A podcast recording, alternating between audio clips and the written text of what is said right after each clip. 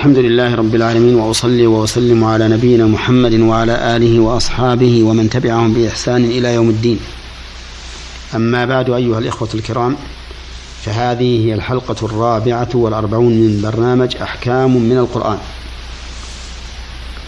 نتكلم فيها على بقية الآية السابقة يا بني إسرائيل اذكروا نعمتي التي أنعمت عليكم وأوفوا بعهدي اوف بعهدكم وإياي فارهبون. لما أمرهم الله تعالى أن يوفوا بعهده ووعدهم أن يوفي لهم بعهدهم أمرهم أن يرهبوه. والرهبة هي أشد الخوف.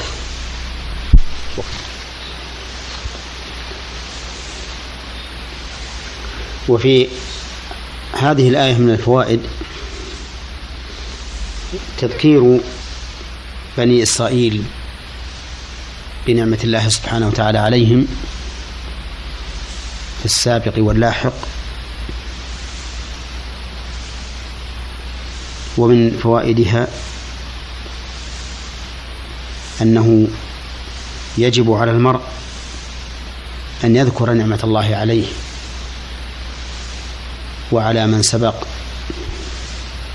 حتى يحدث لذلك شكرا لله على هذه النعمة.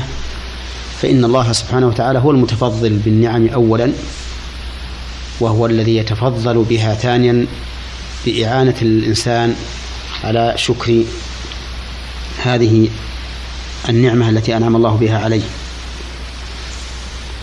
ومن فوائدها بيان كرم الله عز وجل حيث جعل على نفسه عهدا أن يوفي لمن أوفى بعهده.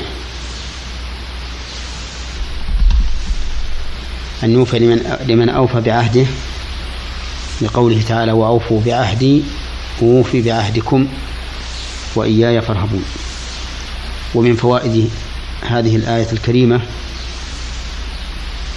إثبات الصفات الفعلية لله عز وجل في قوله أوف بعهدكم. ومن فوائدها وجوب توحيد الله سبحانه وتعالى بالرهبة. لقوله وإياي فارهبون. والإنسان لا بد له من رغبة ورهبة. رغبة فيما عند الله ورهبة فيما يفعله من أسباب عقوبة الله عز وجل. فالله عنده الثواب العظيم للمحسن وعنده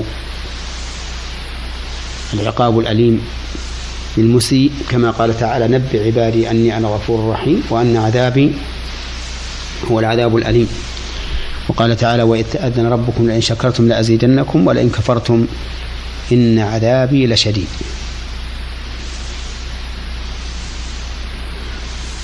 ثم قال الله عز وجل وآمنوا بما أنزلت مصدقا لما معكم ولا تكونوا أول كافر به. ولا تشتروا بآياتي ثمنا قليلا وإياي فاتقون.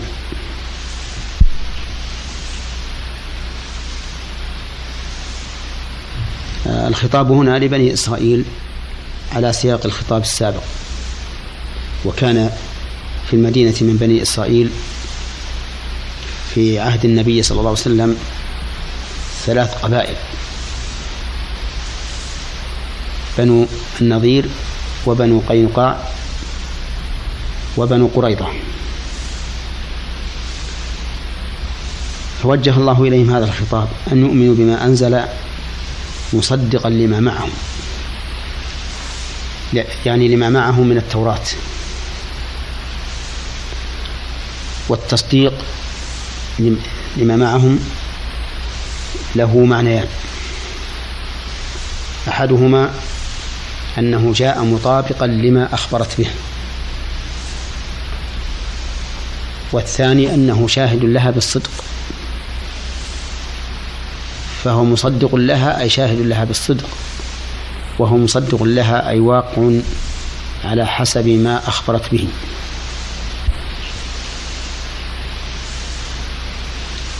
كما قال الله تعالى الذين يتبعون الرسول النبي الأمي الذي يجدونه مكتوبا عندهم في التوراة والإنجيل يأمرهم بالمعروف وينهاهم عن المنكر ويحل لهم الطيبات ويحرم عليهم الخبائث ويضع عنهم إصرهم والأغلال التي كانت عليهم. فالذين آمنوا به وعزروه ونصروه واتبعوا النور الذي أنزل معه أولئك هم المفلحون. نسأل الله أن يجعلنا وإياكم من المفلحين إنه جواد كريم. والحمد لله رب العالمين وأصلي وأسلم على نبينا محمد وعلى آله وأصحابه أجمعين.